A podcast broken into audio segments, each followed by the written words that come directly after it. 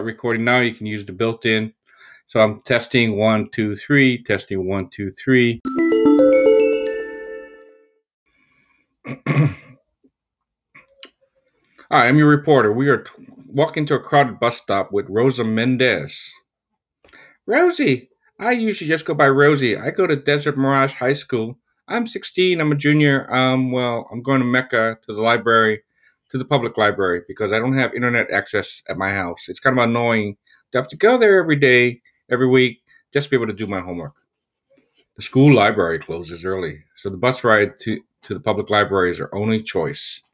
Rosie's the daughter of farm workers, and many families here rely on the bus to get groceries, go to doctor appointments, get to school. Sometimes that means